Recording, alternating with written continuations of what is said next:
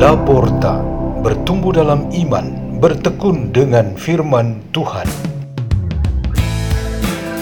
Radio Laporta, pintu terbuka bagimu untuk pertumbuhan pengetahuan dan kebijaksanaan tentang Allah.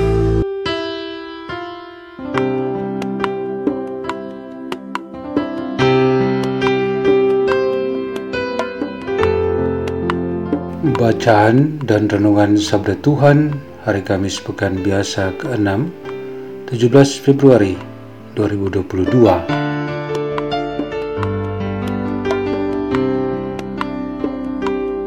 Dibawakan oleh Pastor Peter Tukan, SDB dari Kevikepan Labuan Bajo, Keuskupan Rutan.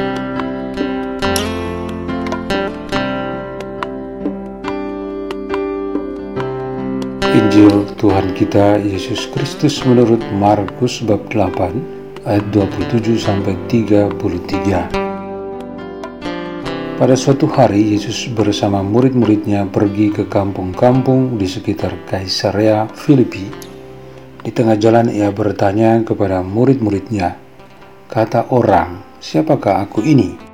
Para murid menjawab, ada yang mengatakan Yohanes Pembaptis, ada juga yang mengatakan Elia, ada pula yang mengatakan seorang dari para nabi.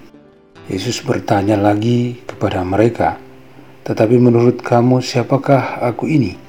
Maka Petrus menjawab, "Engkau adalah Mesias." Dan Yesus melarang mereka dengan keras supaya jangan memberitahukan kepada siapa pun tentang Dia. Kemudian mulailah Yesus mengajarkan kepada mereka bahwa anak manusia harus menanggung banyak penderitaan.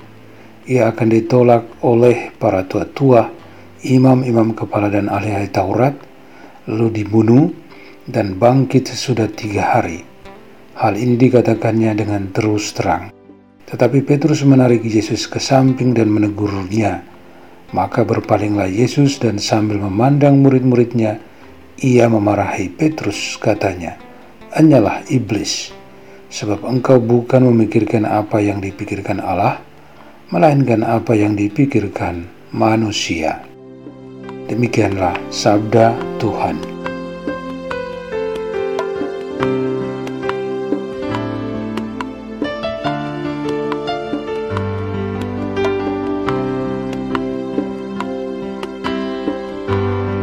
Tema renungan kita pada hari ini ialah identitas Yesus. Ada seorang pemuda sedang putus asa karena banyak masalah yang harus ia hadapi. Ia telah berbicara dengan sejumlah orang, tetapi tidak mendapat solusinya. Lalu ia ingat bahwa tempat yang paling diharapkan untuk menaruh semua masalah kehidupan ialah Tuhan. Segala sesuatu bergantung pada kehendak Tuhan. Setiap kali berdoa, ia menyampaikan semua curahan hatinya yang ditulisnya di dalam pesan singkat di HP-nya. Alamatnya kepada Tuhan Yesus dengan nomor tujuannya ialah 08111222333. Semua orang tahu bahwa nomor tersebut adalah salah satu nomor darurat yang berlaku di kota mereka. Beberapa hari kemudian, datang jawaban melalui pesan singkat dari nomor darurat itu. Pemuda itu begitu heran dengan apa yang ia lihat sendiri dalam pesan tersebut. Pesan itu berbunyi, "Dari Yesus Kristus untuk dirimu. Jangan khawatir, hidupmu ada di tanganku. Percayakan saja dirimu kepadaku." Pemuda itu sungguh percaya bahwa jawaban itu datang dari Tuhan Yesus untuk dirinya yang sedang dalam putus asa. Identitas Yesus yang diwartakan di dalam Injil hari ini bermakna lebih dari sekedar pengenalan akan dirinya. Sampai akhirnya Rasul Petrus mengenal dia sesungguhnya. Hal ini untuk menegaskan bahwa diri Yesus adalah Tuhan yang membebaskan dan menyelamatkan umat manusia. Para rasul dan murid-murid lain mungkin sudah mengenalnya dengan cara pandang yang berbeda-beda. Namun, untuk mengerti dan memperlakukan Dia sesungguhnya sebagai Tuhan adalah sesuatu hal yang lain.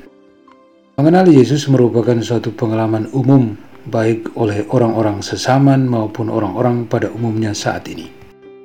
Mereka mungkin mengenalnya dari cerita orang lain, dari kitab suci, atau aneka pengajaran.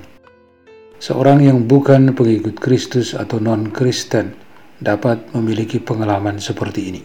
Ia mengetahui dan mengenal kurang lebih diri Yesus seperti apa, namun ia tidak memiliki pengertian sesungguhnya yang menjadikan Yesus sebagai Tuhan bagi dirinya. Yesus bukan jalan hidupnya. Yesus hanya sebagai seorang manusia yang sangat terkenal. Tetapi pengakuan identitas Yesus oleh Rasul Petrus sesungguhnya adalah suatu penetapan bagi kita bahwa Yesus adalah penyelamat kita, jalan hidup kita. Seperti pemuda yang putus asa tadi, kita semua akhirnya menemukan Yesus sebagai pilihan utama dan terakhir untuk kebebasan dan keselamatan jiwa dan raga kita.